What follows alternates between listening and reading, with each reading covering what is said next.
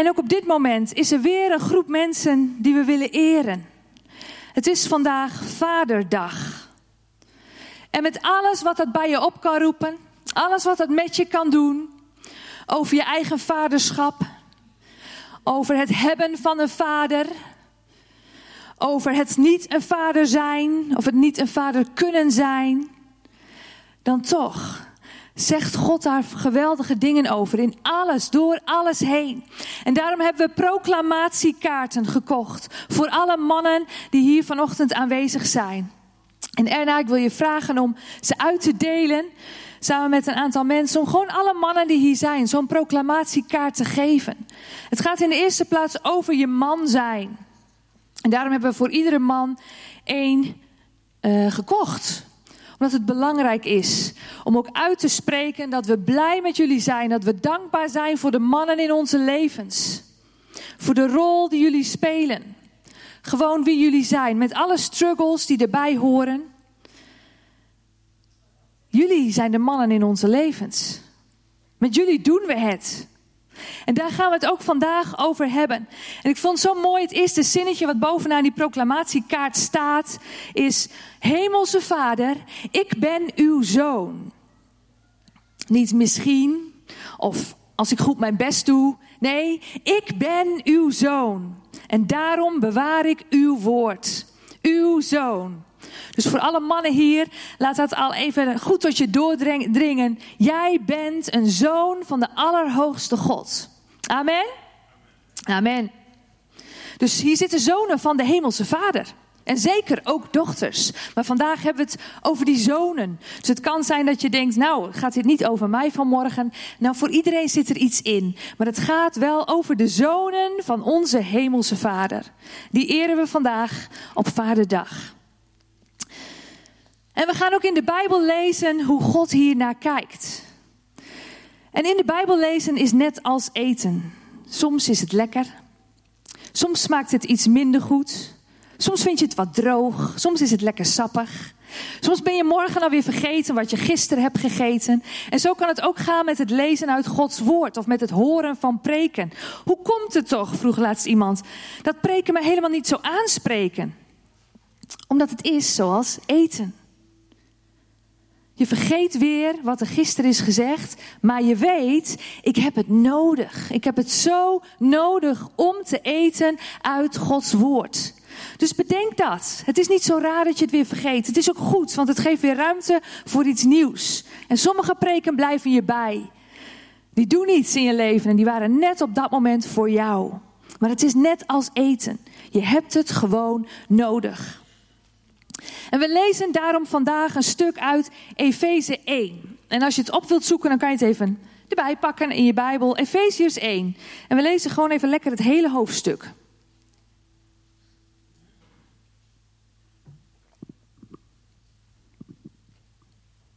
Efeziërs 1, vers 1. Van Paulus, door Gods wil apostel van Christus Jezus. Aan de heiligen in Efeze aan de gelovigen die één zijn in Christus Jezus.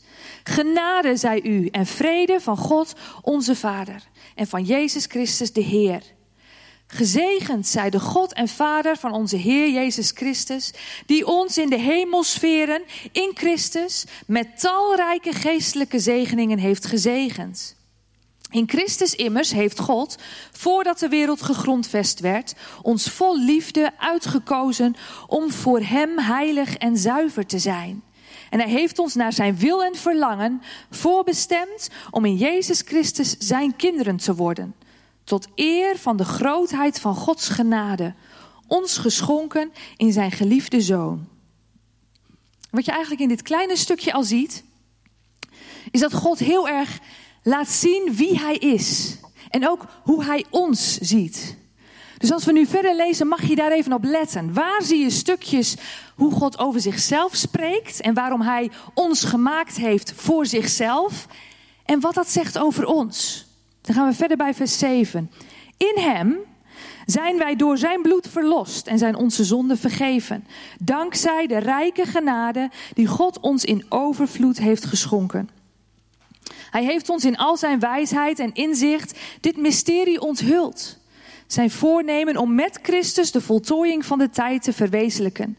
En zijn besluit om alles in de hemel en op aarde onder één hoofd bijeen te brengen, onder Christus. In hem heeft God, die alles naar zijn wil en besluit tot stand brengt, ons de bestemming toebedeeld om vanaf het begin onze hoop te vestigen op Christus, tot eer van Gods grootheid. In hem hebt ook u de boodschap van de waarheid gehoord, het evangelie van uw redding. In hem bent u, door uw geloof, gemerkt met het stempel van de Heilige Geest die ons beloofd is, als voorschot op onze erfenis. Opdat allen die hij zich heeft verworven, verlost zullen worden tot eer van Gods grootheid. Daarom, en ook omdat ik gehoord heb over uw geloof in Jezus de Heer en over uw liefde voor alle heiligen, dank ik God onophoudelijk voor u en noem ik u in mijn gebeden.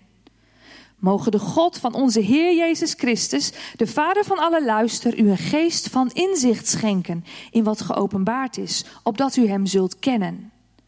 Mogen uw hart verlicht worden, zodat u zult zien waarop u hopen mag, nu Hij u geroepen heeft. Hoe rijk de luister is die de heiligen zullen ontvangen. En hoe overweldigend groot de krachtige werking van Gods macht is voor ons die geloven. Die macht was ook werkzaam in Christus, toen God hem opwekte uit de dood en hem in de hemelsferen een plaats gaf aan zijn rechterhand hoog boven alle hemelse vorsten en heersers, alle machten en krachten. En elke naam die genoemd wordt, niet alleen in deze wereld, maar ook in de toekomstige. Hij heeft alles aan zijn voeten gelegd en hem als hoofd over alles aangesteld. Voor de kerk, die zijn lichaam is, de volheid van hem die alles in allen vervult. Wat een woorden. Maar als je kijkt hoe vaak er staat, in Hem zijn wij. In Hem heeft God. In Hem hebt ook u. In Hem bent u. Wauw. Alles vanuit Jezus, onze redder en onze verlosser. En dit is geschreven aan de gemeente hè, in Efeze. En dat was een gemeente die heel rijk was in Jezus. En dat betekent dat ze precies wisten hoe het werkte. Ze wisten hoe het moest. Ze wisten hoe God het had bedoeld. Ze hadden alles gepakt wat de Heilige Geest voor hun had bedoeld en hoe de Heilige Geest over ze was uitgestort. En tegelijk leefden ze als bedelaars, omdat ze hun rijkdom niet kenden. Dus ook al konden ze het pakken, en konden ze erover spreken, toch kenden ze die rijkdom die door die genade over hen was uitgestort niet. En daarom begint Paulus eigenlijk in dit hoofdstuk te beschrijven hoe de inhoud van hun bankrekening eruit ziet. Ze zijn aangenomen, ze zijn aanvaard, verlost, vergeven. Er is wijsheid. Ze zijn erfgenaam. Ze dragen het zegel van de Heilige Geest. Ze leven in genade. En ze hebben een plaats in de hemelse gewesten. Dus alle mogelijke geestelijke zegeningen benoemt Paulus, die zijn over hen uitgestort. En als ze dat immense kapitaal, die onnoemelijk, onuitputtelijke bankrekening, als ze daar van bewust zouden zijn dat ze, daartoe, en dat ze daarover beschikken. Dat ze alle middelen die nodig zijn om te leven. Wow. En dat wordt bedoeld met leven tot lof van de heerlijkheid van zijn genade. Allemaal van die prachtige woorden die soms ja, moeilijk te begrijpen zijn. Maar voor deze gemeente zo belangrijk dat Paulus deze brief schreef. Dus ze kennen Jezus, maar ze leven alsof ze hem niet kennen. En in deze tekst, in dit hele eerste hoofdstuk uit Efeze, is Gods grootheid zo duidelijk zichtbaar. Die grootheid die we net bezongen in onze aanbidding. We nemen niet voor niets een half uur in de gemeente of langer om God te aanbidden. Om zijn grootheid te bezingen. In Hem, zoals dit, dit hoofdstuk zegt. En tot eer van Gods grootheid. Aanbidding En als we dan Vaderdag vieren, En Michel zei het al heel mooi. Onze Vader in de hemel. Dan aanbidden we Hem. Inderdaad, op de eerste plek. Maar vandaag kijken we eigenlijk naar drie soorten vaders. En de eerste vader is natuurlijk die God. Die, ja, aan, aan wie niemand gelijk is. Hij is onze nummer één. Zijn naam is de grootste. Zijn vaderschap is de beste. En wanneer we in aanbidding voor Hem staan, dan vloeit die genade door ons heen. Zodat aanbidding even vanzelf gaat als ademhalen.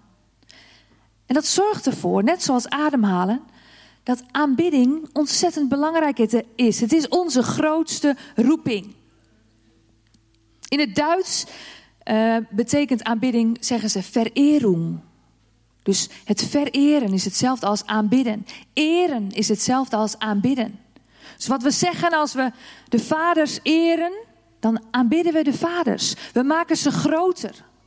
We geven woorden aan onze liefde. Het hoeft niet eens liefde te zijn, maar iets wat we in ze zien. We maken het groter. We verheffen ze. We zetten ze omhoog. En ik geloof dat we vanmorgen daarna mogen kijken dat we iets recht mogen zetten.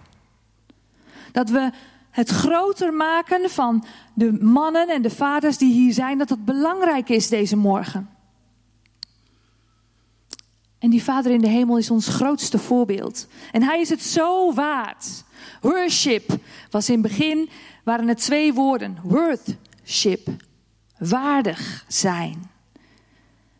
Dus alles zit daarin. Aanbidding. Hij is het zo waard. We vereren die God. Hij is aanwezig, liefdevol. Nou, je weet zelf wat voor woorden jij daaraan geeft als je in aanbidding voor God staat. En het is een van de pijlers van de kerkaanbidding. God als Vader kennen. En dat alleen al was een prachtig onderwerp geweest voor vandaag. Want onze volmaakte hemelse Vader is de basis van ons leven. En in Efeze 1 zien we dat. Dit staat er vol van. En tegelijkertijd mogen we die God naar beneden trekken. Mogen we hem hier op aarde zien bewegen. Vaderdag. Een dag om de papa's te eren. En met alle gevoelens die daarbij kunnen komen, is er één papa die wij allemaal hebben. En dat is onze biologische vader. Of de man in ons leven die ons heeft opgevoed, die belangrijk was. En dat is de tweede vader waar we vanmorgen naar kijken. Hij is niet inwisselbaar. Van hem is er maar één. En iedereen heeft er één. Iemand die je heeft verwekt, om het plat te zeggen. En op de mooie, in de mooiste vorm, iemand die er voor je was in je leven. Iemand die je echt heeft opgevoed, die een voorbeeld voor je was. En die vader mag je eren vandaag, omdat hij je leven schonk. Hoe je relatie ook met hem is, hij is het. In mijn e- eigen leven heeft het hebben van die vader een hele bijzondere rol gespeeld. Ik kan vandaag zeggen dat ik een geweldige vader heb. Maar dat is lang niet altijd zo geweest. Hij struggelde zelf in het leven en projecteerde dat op mij. Hij was veel met het geloof bezig, vond dat heel belangrijk. En toen ik nog maar heel jong was, besprak hij al die zware geestelijke kwesties met mij, een meisje van acht, negen jaar. En ik snapte er niks van. Ik dacht, wat een moeilijke is dat religie en geloven, wat zwaar en ingewikkeld. Maar het was in zijn leven zo belangrijk dat hij niets anders kon dan het daarover hebben. En al die waarheden van God kreeg ik over me heen gegooid als een hele bak met, op dat moment voelde het voor mij stront. Want ik kon er niks mee. En ik heb daar last van gehad. Want wie was dan die God? Hoe dan? En ik moest zoveel. Maar was dat dan zoals ik mijn leven voor, voor me zag? En toen ik ouder werd, dacht ik: nee, daar wil ik niks mee. Als, het zo, als dat het is, dan past dat niet bij mij. Er werd niet aan mij gevraagd: hoe zie jij dat? Er was geen ruimte om mijn eigen verhaal te vertellen en wat ik ervoer. En juist als kind ervaar je veel en kun je geen woorden aan iets geven. En tegelijk, ik geloof dat dat in ieder leven zo is, loopt er altijd een tweede spoor onder. Het spoor van God. Een tweede weggetje waarin God aan het bewegen is. Bij mij gebeurde dat doordat ik een oma had die mij een gitaar gaf en een klein ENR-bundeltje. Het was een bundeltje met wat opwekkingsliederen en Youth for Christ nummers. En ik leerde gitaar spelen en die nummers zingen daarbij. En ineens begon er iets in mijn buik te gebeuren. Ik dacht, hè? Ik zing over God, maar dit is niet de God die ik ken. Wie is dit? En ik wilde meer van hem weten. En dit werd zo'n belangrijk onderdeel dat ik niets anders kon dan achter die God aan. Ook al snapte ik het niet. En het maakte iets in mij los dat ik wilde weten hoe ik dan bedoeld was. Mijn vader zei dit, maar in die liedjes voelde ik iets anders. Ik ben daarmee aan de slag gegaan. Ik heb er ook wel eens iets eerder over gedeeld. want die afwijzing die ik toen ervoer, daarmee moest ik iets. En ik zit zo in elkaar en ik geloof ook dat dat Gods genade is. Dat ik wil weten hoe ik daarmee deal. Hoe ik dan echt bedoeld ben. En zo ben ik daar doorheen gegaan. Door met mijn vader eigenlijk een soort nou, strijd aan te gaan. Maar te ontdekken dat wat hij in mij had gelegd. Of dat echt was zoals God mij ook zag. En het heeft zo'n jaar of vijftien geduurd. En het was nodig om daar doorheen te gaan. En nog steeds is onze relatie, nou, ik kan hem ook anders voorstellen. Maar ik kan wel zeggen, ik heb een geweldige vader. Jij bent degene die ik nodig had. God heeft mij niet voor niets bij jou geboren laten worden, uit jou. Als jij er niet was, was ik er niet. Als jij mij dat niet had gegeven, stond ik vandaag niet hier. En ik besef me dat dat niet voor iedereen zo werkt. Dat het een worsteling kan zijn om je verleden mee te dragen en te verwerken. En daar mag zeker ruimte voor zijn. En die ruimte mag je nemen. En toch, ondanks alles en ondanks dat, mag je je vader eren. Al is het alleen een dankjewel. En voelt het wat schuren en voelt het wat steken. Dank je wel dat jij mijn leven gaf. En ook als hij niet meer leeft, als hij niet meer hier is, dan nog kan er vanuit jou een dankbaarheid zijn voor wie hij is.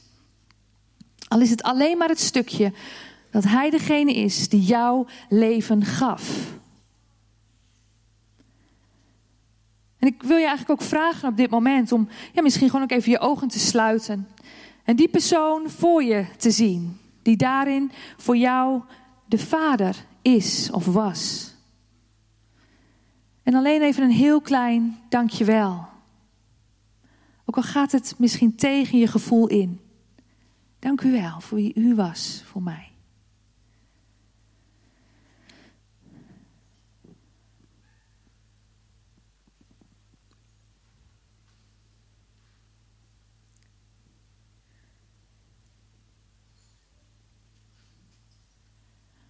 Jouw vader. Hm. Onze vaders. We hebben ze. En tegelijk is er nog een treetje op die trap. We keken naar God de Vader. We keken naar onze biologische vader. Of de vader die ons heeft opgevoed. En dan zijn wij zelf aan de beurt. De vaders die hier zijn. Of de mannen die zich vader weten. Doordat ze bemoedigers zijn voor mensen. Doordat ze mentor, mentor zijn voor mensen. Dat hele brede begrip van vader, daar kan alles in zitten. En daarom geloof ik dat het voor alle mannen geldt die hier zijn of die kijken. Als ik het woord vader noem, mag jij jezelf daaronder scharen. Dus kijken we naar jou, jij, papa, hier in Waardevol Leven gemeente. Je mag blij zijn met jezelf. Met wat je gekregen hebt. Ik hoop dat je dat bent. Ja, het raakt me ook. Hmm. Hoe je in elkaar zit. Zo mooi gemaakt. En ik zei tegen God, hoezo ga ik deze preek houden? Mannen zeggen dat tegen mannen. En vrouwen zeggen het tegen vrouwen. Nee, zeg God, doe maar. Zeg het maar. Want ook mannen hebben vrouwen nodig die zeggen hoe bijzonder ze zijn. Hoe geliefd ze zijn. Hoe mooi ze zijn gemaakt. God heeft een bedoeling met jou. Je mag jezelf eren in je vaderschap, hoe het er ook uitziet vandaag. Het eren van jezelf, omdat God jou eert. Hij heeft je geweldig gemaakt. In Hem ben jij. We hebben net dat hele hoofdstuk daarover gelezen. In Zijn grootheid heeft Hij zichzelf in jou uitgestort. Hij heeft jou bedacht als Vader. Naar Zijn evenbeeld schiep Hij hen, staat in Genesis. Man schiep Hij hen, naar Zijn evenbeeld. En in vers 4 van Efeze 1 staat lang, en dat is even een andere vrije vertaling, lang voordat hij de fundamenten van de aarde legde, had hij jou al in gedachten.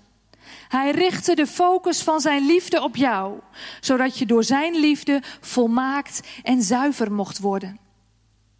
God rekende op jou. Je bent door God gepland.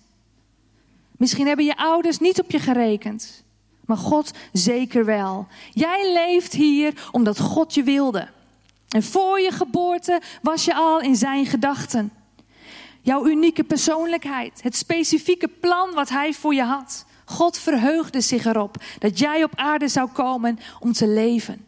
Hij keek uit naar het moment dat je volwassen zou worden en dat je in je bestemming zou komen te wandelen, want zijn krachtige hand is op jou. Vorige week had Chris het over Psalm 139. Zijn krachtige hand is op jou, staat erin. Het begon al ver voordat jij wist wie je was. Ver daarvoor. En zijn droom voor jou ligt in jou klaar. Het kan zijn dat je er niet zo mee bezig bent, of dat je niet weet hoe je woorden kunt geven aan je droom. Maar de droom is er. En daarin ben je uniek. En die droom heeft een aantal kenmerken. En één daarvan is dat het altijd bedoeld is om anderen tot zegen te zijn.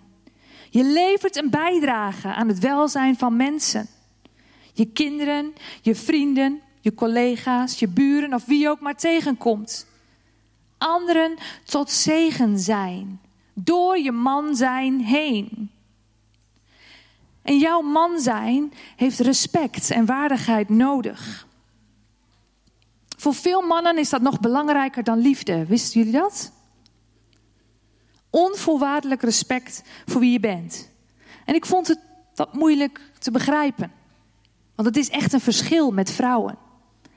Ik las een onderzoek waarin een groep gesplitst werd, de helft man en de helft vrouw. En aan deze groep werd gevraagd om een keuze te maken tussen twee negatieve ervaringen. Wat heb je liever? Je alleen en niet geliefd voelen in de wereld? Of je onbekwaam en niet gerespecteerd voelen? Wat heb je liever? En ik vond het een rare keuze. Ik dacht, wie zou er ooit voor kiezen om zich niet geliefd te voelen? Maar in dat onderzoek stak 74% van de mannen hun hand omhoog toen de spreker zei: Wie van de mannen voelt zich liever alleen en niet geliefd? En 74% van de mannen zei: Ik. Ik ben liever niet geliefd en alleen dan niet gerespecteerd en onbekwaam. En de meeste vrouwen staken hun hand op bij de vraag: wie voelt zich liever onbekwaam en niet gerespecteerd? Want niet geliefd zijn, dat is voor vrouwen geen optie. Let op, de meeste mannen en de meeste vrouwen. Maar het is dus meer dan de helft in beide gevallen. En respect en waardering zijn dus grootste waarden voor onze mannen. En in het aanbidden van God maken we God groot. We eren Hem. En dit mogen we ook bij elkaar doen. En dat willen we vandaag doen. Omhoog heffen. Recht zetten wat misschien geroofd is. We willen het uitspreken. Want als wij ze groter maken En dat kunnen mannen zeker ook onderling doen. Maar als wij jou groter maken en je eer om wie je bent, als we je aanbidden, dan groei jij. En als jij groeit, dan groeien de mensen om jou heen ook. Dus we willen opscheppen over onze mannen en over onze vaders. Want het is een positieve beweging. Dus jullie zijn helden. Jullie zijn geweldenaren. Jullie krijgen alles voor elkaar. Jullie zijn geweldig gemaakt en bijzonder bedacht. We vinden jullie fantastisch. En samen met Bernard heb ik de Marriage Course gevolgd. Al heel lang geleden. Zo werd hij hier gegeven in de gemeente. We moesten mooie punten over elkaar opschrijven. En ik pakte het boekje er nog net even bij terug. Want het is zo goed om dat zo nu en dan dus ook te zeggen. En ik vergeet het echt heel vaak. En ik had daarin opgeschreven: Ik bedank je voor je harde werken voor ons gezin. En ik hou van de manier waarop je met onze kids gek doet. En ik waardeer het zo als je ons allemaal begroet als je thuiskomt van je werk. En ik hou ervan hoe je me helpt om onderwerpen die voor mij zwaar zijn, luchtig te maken. Gewoon hele kleine dingetjes. Het gaat niet om iets enorms, maar het gaat om de kleine dingen. En juist als je een gezin hebt, is het zo goed om dat uit te spreken naar elkaar. En tegelijkertijd zijn die mensen die alleen zijn. En we mogen samen om elkaar denken. Samen die woorden uitspreken die zo nodig zijn. Want we hebben ze allemaal nodig. Want mensen in onze omgeving hebben invloed daarop. En hoe wij vrouwen kunnen reageren op mannen, maar ook wat we gewoon elkaar onderling aan kunnen doen, dat beïnvloedt je denken als man en als vader. Dat beïnvloedt de rollen die je hebt. Als ik Bernard een slechte vader vind, dan laat ik dat merken in hoe ik hem benader. Daar krijgt hij, zo gaat hij dan ook reageren. En wij kennen zeker die momenten. Dat ik echt dacht, nou zoals jij dat doet, daar ben ik het helemaal niet mee eens. En dan moesten we echt over leren communiceren. Hoe doen we dat dan? Hoe kun jij jij zijn en ik ik? En hoe waarderen en respecteren we elkaar? En ik gebruik zelf heel makkelijk het woord kwetsbaarheid. Maar ik heb gemerkt dat Bernard daar niet zo van houdt. Mm, doe niet zo vrouwelijk. Kwetsbaarheid. Ja, dus we moeten wat leren om daarin met de juiste bewoording elkaar aan te spreken. Maar weet je, we zijn gewoon allemaal mens en we hebben anderen nodig. En tegelijk, ook als je gewoon je issues hebt, kun je nog steeds een rolmodel zijn. Kun je kracht uitstralen. Je kunt met beide tegelijk bezig zijn. Wat er ook is gebeurd in je leven, wat er zich af heeft gespeeld tussen jou en je kinderen, er is altijd opnieuw een kans en ruimte om het anders te gaan doen. Om er zelf ten eerste, om naar binnen te gaan en te zeggen: wat kan ik doen hierin? Is het misschien gewoon iets opschrijven voor mezelf, hoe ik kijk naar mijn kind? En als kind richting je vader kan ik eens opschrijven wat er misschien toch goed is aan hem. Kan ik hem zien voor wie hij is? Kan ik mijn kind zien voor wie zij of hij is? Want dan pak je regie. Dan zeg je niet, ik ben degene die slachtoffer is, ik weet niet hoe dit moet. Hij heeft mij dit aangedaan. Zij zegt altijd tegen mij: nee. Woorden van leven. Woorden die iemand anders groter maken. En het werkt nou eenmaal zo: hoe dichter bij mensen staan, hoe makkelijker ze je kunnen raken. En hoe meer zeer het doet als iemand je kwetst. Je kunt je verraden voelen daardoor. Maar die emoties niet laten zien. Vaak om jezelf te beschermen tegen pijn. Of omdat je de ander niet vertrouwt. Dat is geen optie. Laat het zien. We zijn er voor elkaar. God is daar. En waar je vandaag staat in je vaderschap is heel verschillend. Misschien zit je in rustig vaarwater, misschien in een turbulente periode. En mogelijk sta je ergens waarvan je denkt: zo had ik dit nooit bedacht. Dat dit, dit was nooit de intentie. Toen ik jou daar zag liggen in dat wiegje. Ik had grootste plannen voor je. En kijk hoe het is gelopen. Dan geloof ik dat we vandaag die angels eruit mogen halen. Want God zegt: Het is niet jouw schuld. Ik heb jou gezien. Ik heb je intentie gezien. Ik heb gezien dat je met alles in jou, waar jij toen toe in staat was, hebt gedaan wat je kon. Je hebt gedaan wat je kon. Het gevoel van niet goed genoeg halen we er vandaag uit.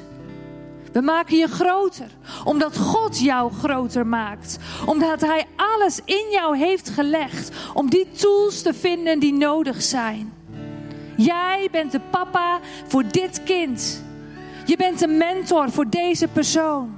Niet voor niks waarom God dat zo bedacht heeft. En die hoop mogen we hernieuwen. Mogen we vernieuwen. Nieuwe hoop voor jou als man. Nieuwe hoop voor jou als vader. Hoe je doet is niet wie je bent. En wat je doet is zeker niet wie je bent. En het gaat daarin niet om jou of om mij, maar om Gods unieke liefde. Op een bovennatuurlijke manier drukt God uit wat Hij in jou aan het doen is. De Heilige Geest werkt in jou. En wat Hij doet is groeien, rijpen, is vreugde, vrede, geduld, vriendelijkheid, goedheid, vertrouwen, zachtmoedigheid en zelfbeheersing. En de liefde van waaruit dat gebeurt is Gods eerste vrucht van de geest. Een liefde die we alleen ontvangen door aanbidding.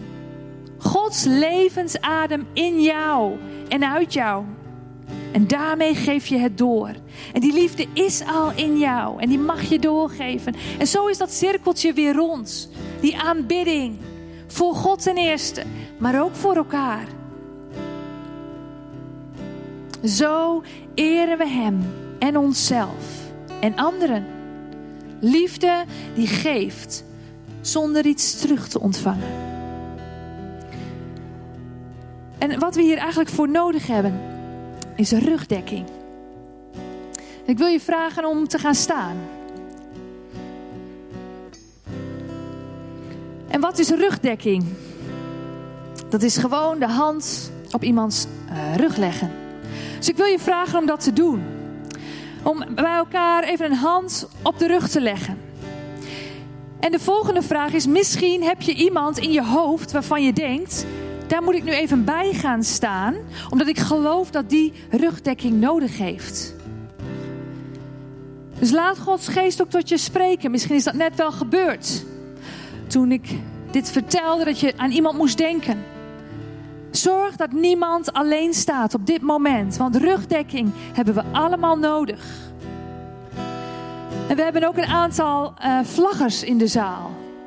En ik wil vragen of die hun vlag erbij willen pakken en even gewoon aan de hoeken willen gaan staan van de zaal om hun vlag omhoog te heffen. Om ook zo te laten zien, er is bedekking. Er is rugdekking, maar er is ook bedekking onder het bloed van Jezus. Zijn rugdekking is onze rugdekking. Dus terwijl je die hand van iemand naast je in je rug voelt, mag je daarmee ook de hand van God voelen. God staat achter jou. En er zijn mensen die achter je staan. En kijk eens om je heen. Zoveel mensen die je rugdekking geven en met hetzelfde te maken hebben als jij. Je bent niet alleen. Wat jij meemaakt, je bent niet de enige daarin. We heffen de vlaggen omhoog en zeggen: Heer, we zijn gezegend in U. We zijn uitgekozen om heilig en zuiver te leven in U. We zijn verlost en vergeven in U. We zijn gemaakt tot eer van uw grootheid. En daarom willen we op deze Vaderdag u als eerste eren. Omdat u alle eer toekomt. Maar we eren ook alle mannen en alle vaders die hier vandaag zijn en die kijken. Zoals ze zijn, zijn ze gegeven door u. Bestemd voor nog weer meer dan vandaag te zien is. Waar herstel nodig is. Heer, waar harten gebroken zijn. Heer, daar is uw hart ook gebroken. Uw hart is misschien nog wel meer gebroken dan dat van jou. Over de situatie waar jij in zit. En tegelijk is geen situatie te groot voor onze God. En zoals u de mannen groot maakt, zo mogen wij dat ook doen. En we eren jullie om wie jullie zijn. Omdat jullie zo zijn in Hem. De grootste vader en de grootste man op deze hele wereldbol. In en onder de aarde en daarboven. Heer, niemand groter dan u. En zo mogen we onze plaats innemen, zoals u dat heeft bedoeld. En we spreken leven uit, daar waar geen leven meer is. We spreken genezing uit, daar waar genezing nodig is. We spreken herstel uit, daar waar herstel nodig heeft, waar herstel nodig is. U schat ons allen op waarde en zo mogen wij dat ook met elkaar doen.